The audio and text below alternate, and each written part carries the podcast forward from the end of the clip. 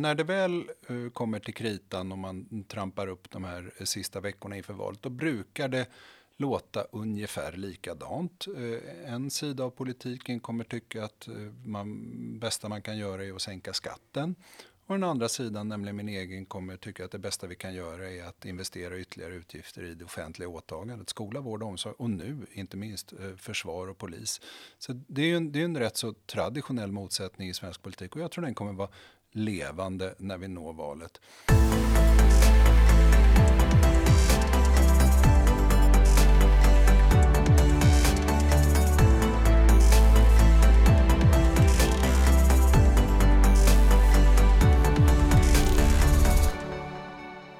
Max Elger är doktor i nationalekonomi och sedan i vintras finansmarknadsminister. Han har en bakgrund från bland annat Finanspolitiska rådet som budgetchef hos Socialdemokraterna och de senaste sju åren som statssekreterare på Finansdepartementet hos Magdalena Andersson under hennes tid som finansminister. Varmt välkommen till Uppskattat Max. Tusen tack. Trevligt att ha dig här, även om vi nu faktiskt är hos dig. Så det är kanske jag som ska tacka för att jag fått komma. Trevligt att ha er här. Ja, väldigt roligt. Eh, du är ju doktor i nationalekonomi. Eh, vad handlar din avhandling om? Det handlade om eh, makroteori och det jag tittade på var hur innovationer och teknisk utveckling kan påverka utfall på arbetsmarknaden primärt. Mm. Det, det, var väl det, de flesta kapitlen. Mm. Mm. Är, är det du som har högst akademisk, mest akademiska poäng i regeringen? Det är min gissning att jag har flest akademiska poäng i regeringen. Jag har åtminstone en doktorsgrad och det är ingen annan som har. Nej. Är det här ett kort, det här är inte någon eh, skvallerpodd, men jag måste ju få veta, det här är ett kort du drar någon gång under regeringssammanträdena? Nej, jag har inte gjort det än. Jag har det kvar. Ja, det är bra att spara det i, i, i bakfickan. Eh, du är ju minister på Finansdepartementet eh, och jag tror att de flesta av våra lyssnare har ganska bra koll på vad en finansminister gör. Men vad gör en finansmarknadsminister? Vad är dina ansvarsområden? Ja, det primära ansvaret är ju att hantera all reglering som rör finansmarknaden. Så att se till att banker och fondkommissionärer och andra som jobbar med handel med värdepapper har ett, ett bra regelverk att förhålla sig till. Eh, sen är det klart att eh, under det ligger ju att man ska försöka med dessa regler undvika en framtida finanskris. Och i, i den stund en finanskris inträffar så är det mina myndigheter som har att hantera den jämte Riksbanken. Mm. Eh, det låter ju som ett jobb som är hand i handske för en nationalekonom. Ja, det är faktiskt eh, som att eh, släppa loss en eh, orangutang i en bananbutik. Ja. Ja, det låter som du tycker att det är roligt. Eh, dina frågor har ju hamnat på kanske inte ett alldeles eh, trevligt sätt i fokus nu i samband med eh, Rysslands krig i Ukraina eh, och där sanktioner är en viktig del av detta arbete. Eh, hur, de, de sanktioner vi har infört, är de eh, verksamma och är det här ett, en viktig del av vårt sätt att försöka skapa fred? Ja, det, det, är en jätteviktig del av vårt sätt att förska, försöka skapa fred. Och det handlar inte bara om, om, Sverige, det är ju EU tillsammans med Storbritannien, USA och Kanada som gemensamt har kommit överens om de flesta av de här sanktionerna. Eh, och, och, jag tror att det är verkningsfullt. Eh, speciellt under inledningen av krisen så såg vi hur rubeln sjönk väldigt snabbt. Vi såg också att värdepapper eh, från Ryssland som var noterade i Paris eller London Eh, sjönk mot noll i, i börsvärde. Moskvabörsen stängde.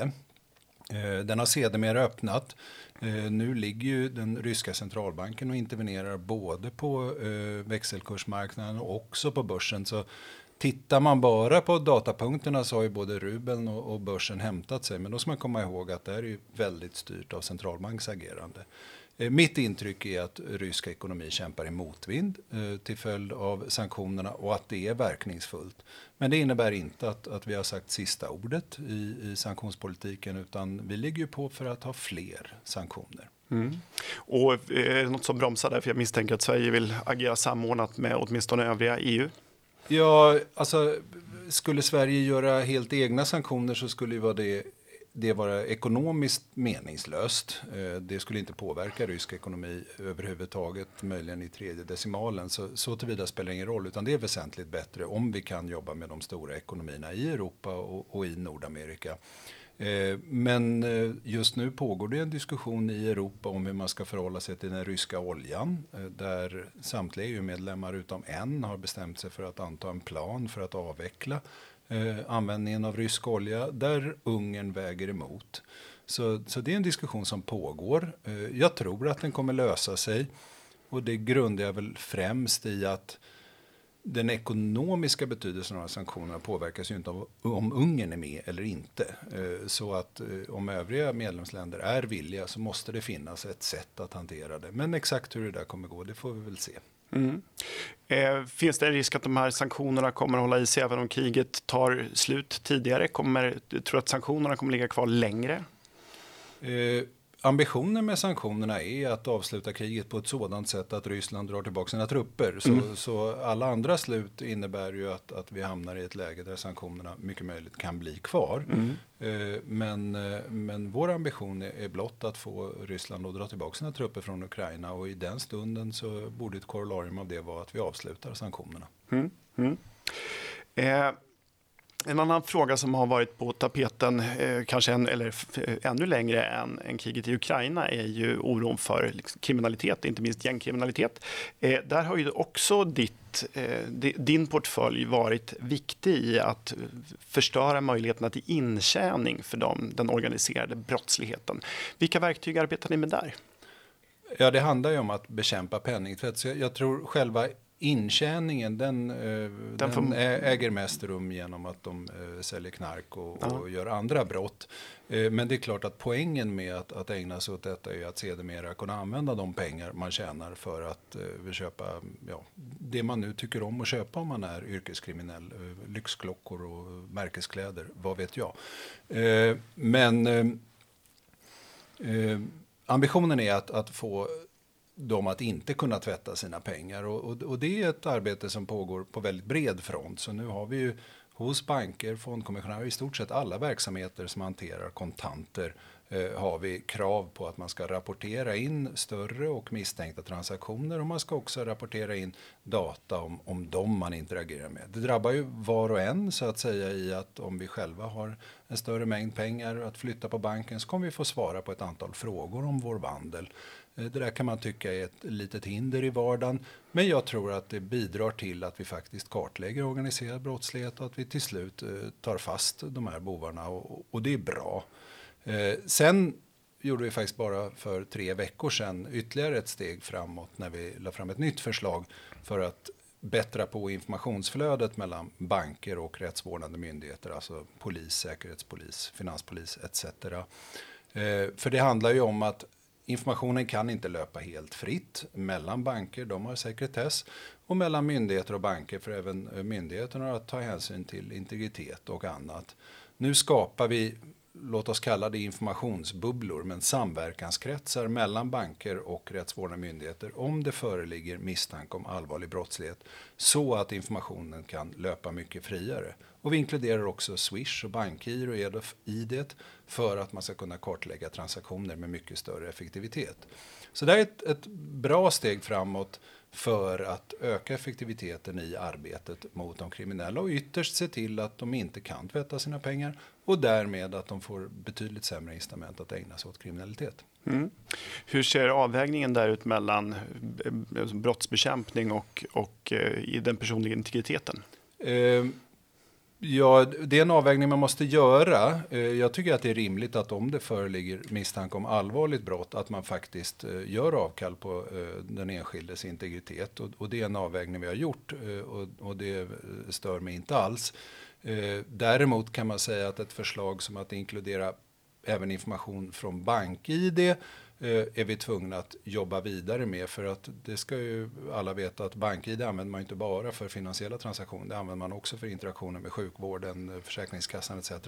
Och det är inte uppenbart att, att det har någonting med brottsbekämpning att göra. Så att, så att det förslaget fick vi trycka lite på paus i den här produkten och jobba vidare med så att man kan singla ut vad som är relevant för brottsbekämpning. Mm.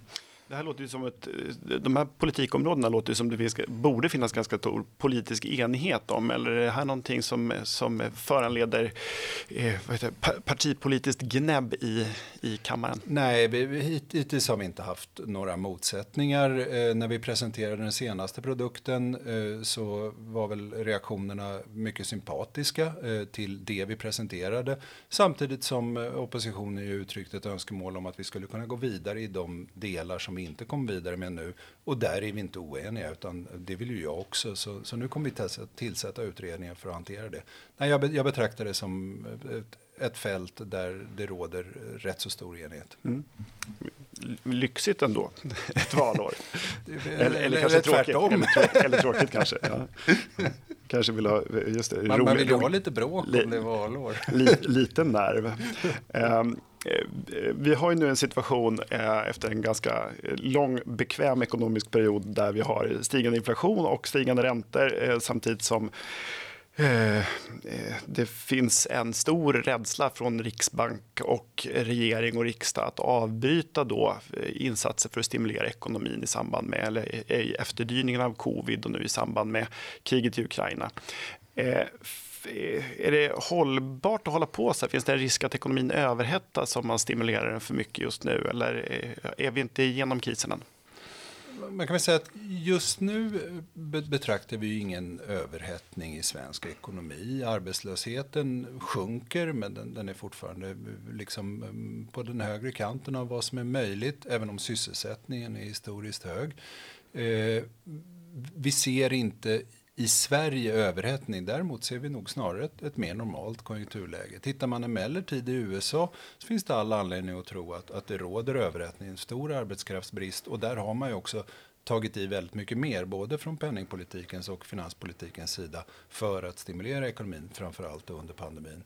Eh, så kan man ju inte hålla på eh, ständigt och jämt, eh, utan, utan sådana insatser måste avvecklas i den takt som, som det är förnuftigt. Och, och det tycker jag nog att eh, om man tittar på den svenska politiken så var ju mycket av det vi gjorde under pandemistödet uttalat från början av tillfällig art. Mm.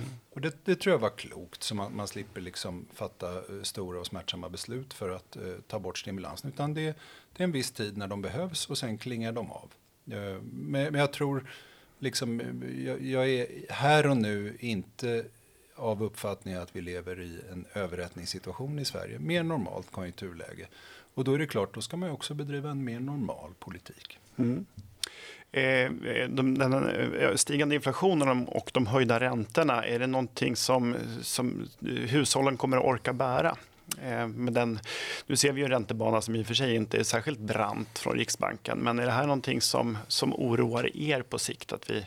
vi har alltid span på, på liksom hushållens eh, balanser och eh, flöden. Men, men det är väl inte det som är den största risken eh, här och nu. Utan blickar man framåt så, så kommer nog hushållen klara detta.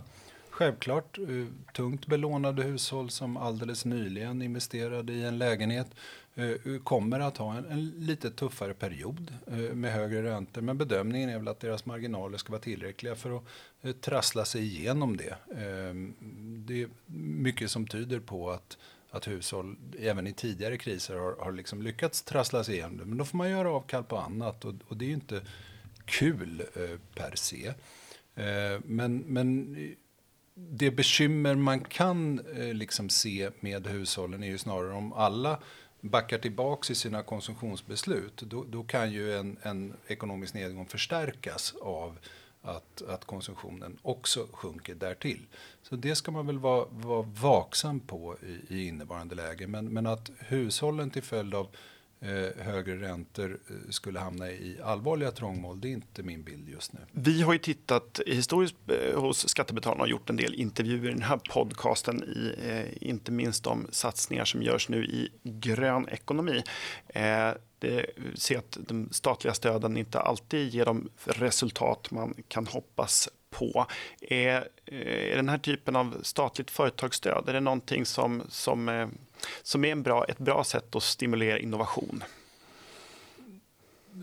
Ja, det tror jag, men man ska göra det på, på ett rimligt sätt. Eh, jag, jag, tycker när man tittar på det vi gör just nu så har vi ju liksom den här gängse politiken för att stimulera alldeles nystartade bolag. Eh, den är viktig, den drar ju inte enorma resurser. De stora pengarna jag brukar prata om det är kreditgarantier. Mm. Eh, där vi alldeles nyss beviljade en till raffinaderiet i Lysekil. 3 miljarder för att de ska kunna ställa om sin produktion från då, eh, fossil olja till slakteriavfall, tallolja, rapsolja. Men då beviljar vi en garanti för att eh, de ska kunna ta upp lån med större säkerhet. Å andra sidan så tar vi ju betalt för den garantin på vad vi eh, efter bästa förmåga anser vara marknadsmässiga grunder. Så jag, jag tror att, att det där genomförs på ett, på ett rätt så förnuftigt sätt just nu. Mm, mm.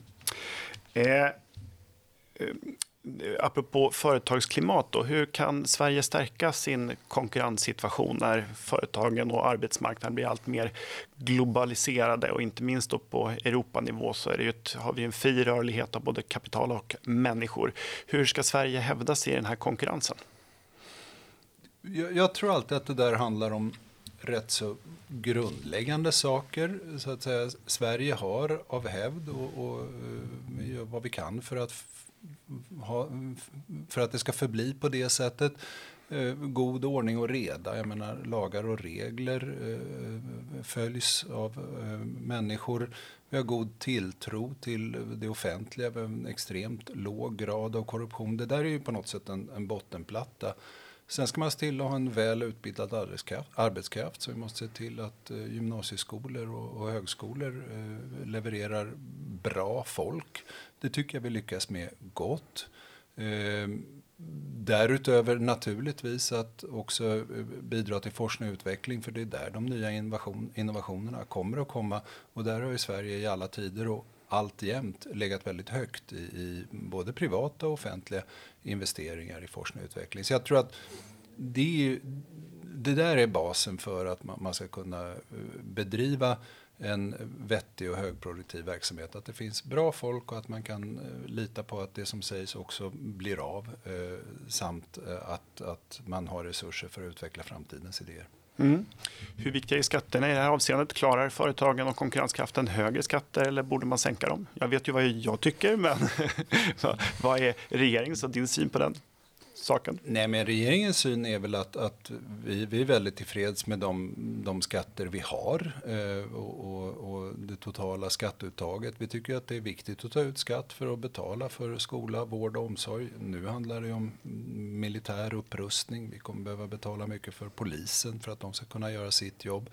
Så vi har ju inga planer på att eh, varken sänka eller, eller höja Eh, det uttaget. Eh, och jag tycker heller inte att historien vittnar om att länder som har högre skatter har gått eh, sämre än länder som har lägre skatter. Det är svårt att säga. Det, det grundar sig ytterst på vad man får för pengarna. Jag menar, har man ett, ett halvhögt skatteuttag som bara försvinner ner i de styrandes fickor, då är det helt värdelöst. Har man ett högre skatteuttag som faktiskt går till produktiva insatser i termer av utbildning, forskning etc.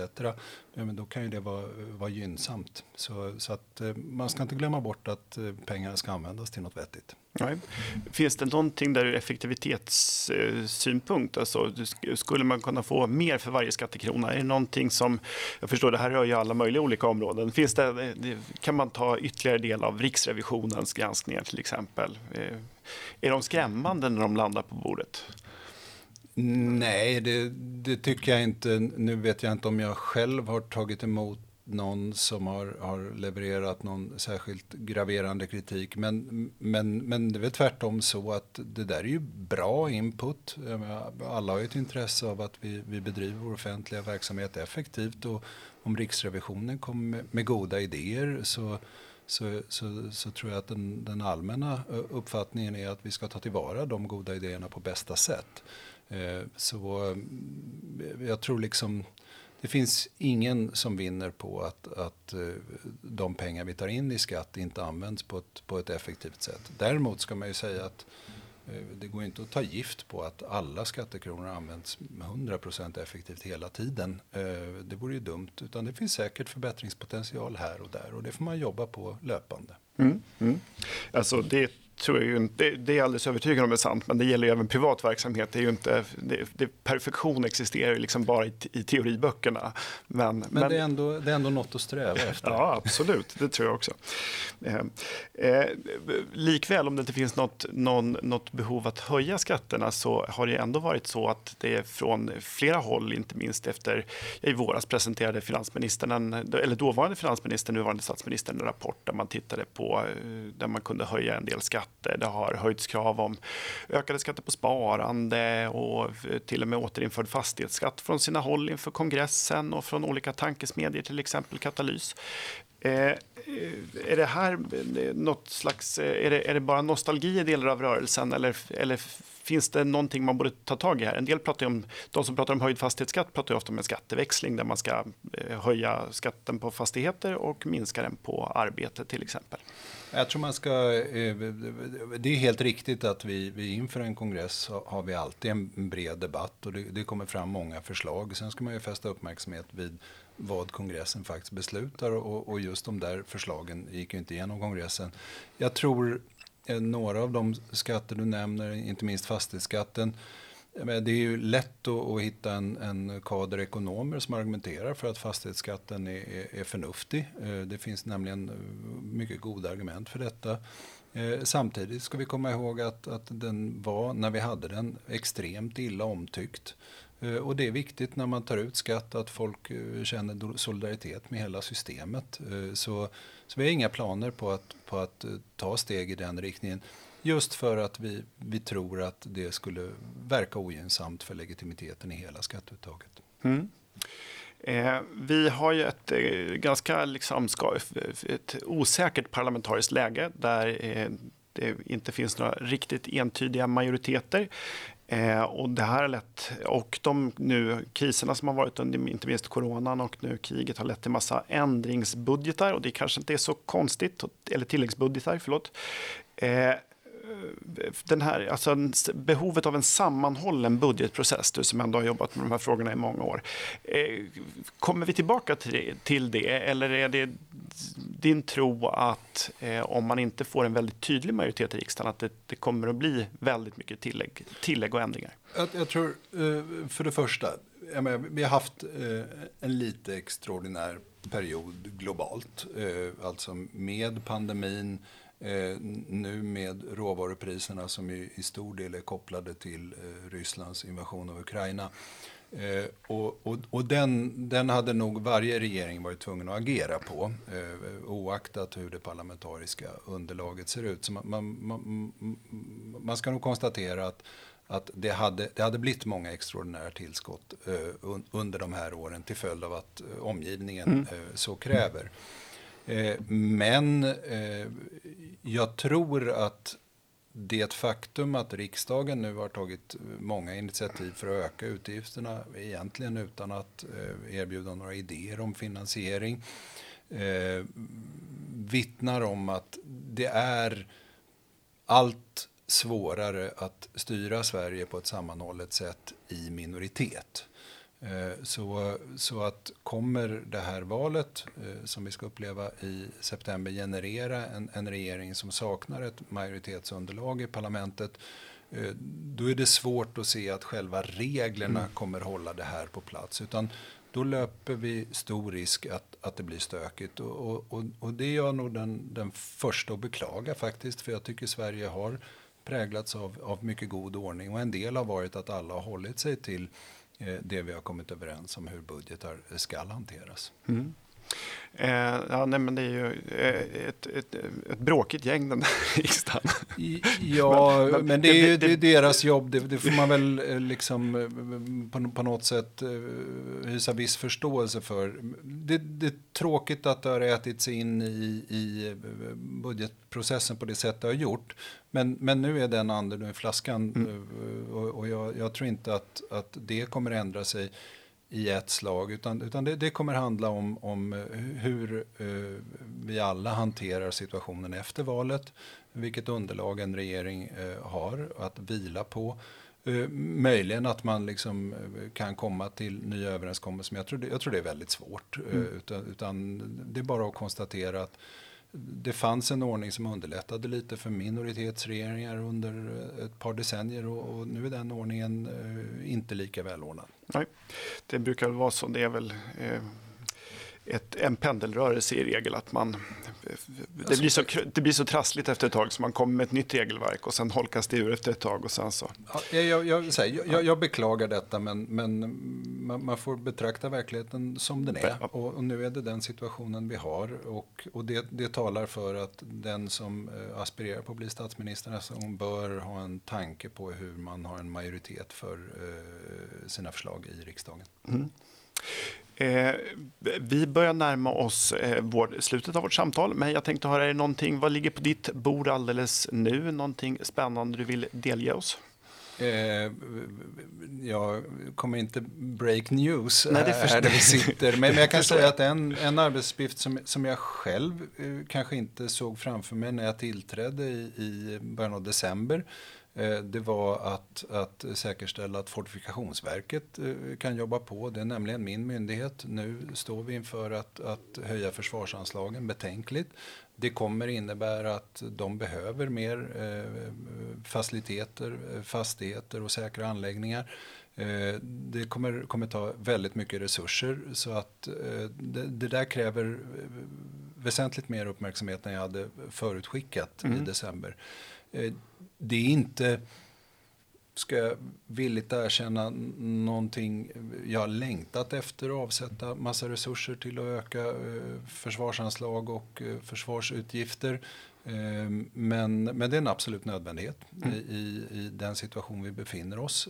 Så att det ska bara göras och, och, och därmed så, så, är de besluten tar, tar lite större uppmärksamhet än jag hade förutsett. Jag, jag trodde mer att det skulle handla om Eh, rätt så teknisk finansmarknadsreglering och eh, penningtvätt. Men eh, mm. det, världen förändrar sig och jobbet med den. Ja, så är, så är det för, för många av oss i och för sig. Men jag kan tänka mig att det här är en lite mer drastisk förändring än mm. på de flesta andra arbetsplatser. Eh, då undrar jag, vad, vad kommer att avgöra valet? Vad blir den stora avgörande frågan? Vad hänger det på om ni, en socialdemokratisk regering, eh, återigen får eh, en, möjligheten att eh, Eh, ta, inta regeringsställning. Vad är det som kommer att fälla avgörandet tror du? Eh, jag tror det kommer att vara två saker. Eh, alltså för det första så tror jag att när, när det väl kommer till kritan och man trampar upp de här sista veckorna inför valet, då brukar det låta ungefär likadant. En sida av politiken kommer tycka att man, bästa man kan göra är att sänka skatten. Och den andra sidan, nämligen min egen, kommer tycka att det bästa vi kan göra är att investera ytterligare utgifter i det offentliga åtagandet. Skola, vård och omsorg och nu inte minst eh, försvar och polis. Så det är ju en, det är en rätt så traditionell motsättning i svensk politik och jag tror den kommer vara levande när vi når valet. Sen tror jag också att det här valet kommer handla om, om vem som ska göra jobbet. Eh, jag tror att Magdalena Andersson har väckt rätt mycket respekt under eh, sin tid som statsminister och jag tror att det kommer vara en väsentlig faktor. Mm. Spännande. Eh, vi får väl se hur det går och eh, låt oss hoppas att du har rätt. Vi vill ju också väldigt gärna ha skattefrågorna på agendan inför valet. Det kan jag villigt föreställa mig. det ser vi mycket fram emot. Eh, stort tack Max Elger, finansmarknadsminister, för att du tog dig tid. Det var väldigt roligt och spännande att prata med dig. Tusen tack Christian, det var väldigt trevligt att du kunde komma förbi. Tack så mycket. Uppskattat, det är en podcast från Skattebetalarnas förening. Vi arbetar för låga och rättvisa skatter, rättssäkerhet för skattskyldiga och minskat slöseri med skattepengar. Vi bildar opinion och folkbildar i skattefrågan. Och vi lever som vi lär och tar bara emot frivilliga bidrag. Uppskattar du podden och vill medverka till att Sverige blir ett land med minskat slöseri och rimligare skatter så stödjer du oss enklast genom att bli medlem. Läs mer och bli medlem på www.skattebetalarna.se bli medlem. Tipsa också gärna andra om uppskattat och betygsätt oss gärna i din poddlyssningstjänst. Till nästa vecka, ha det så bra!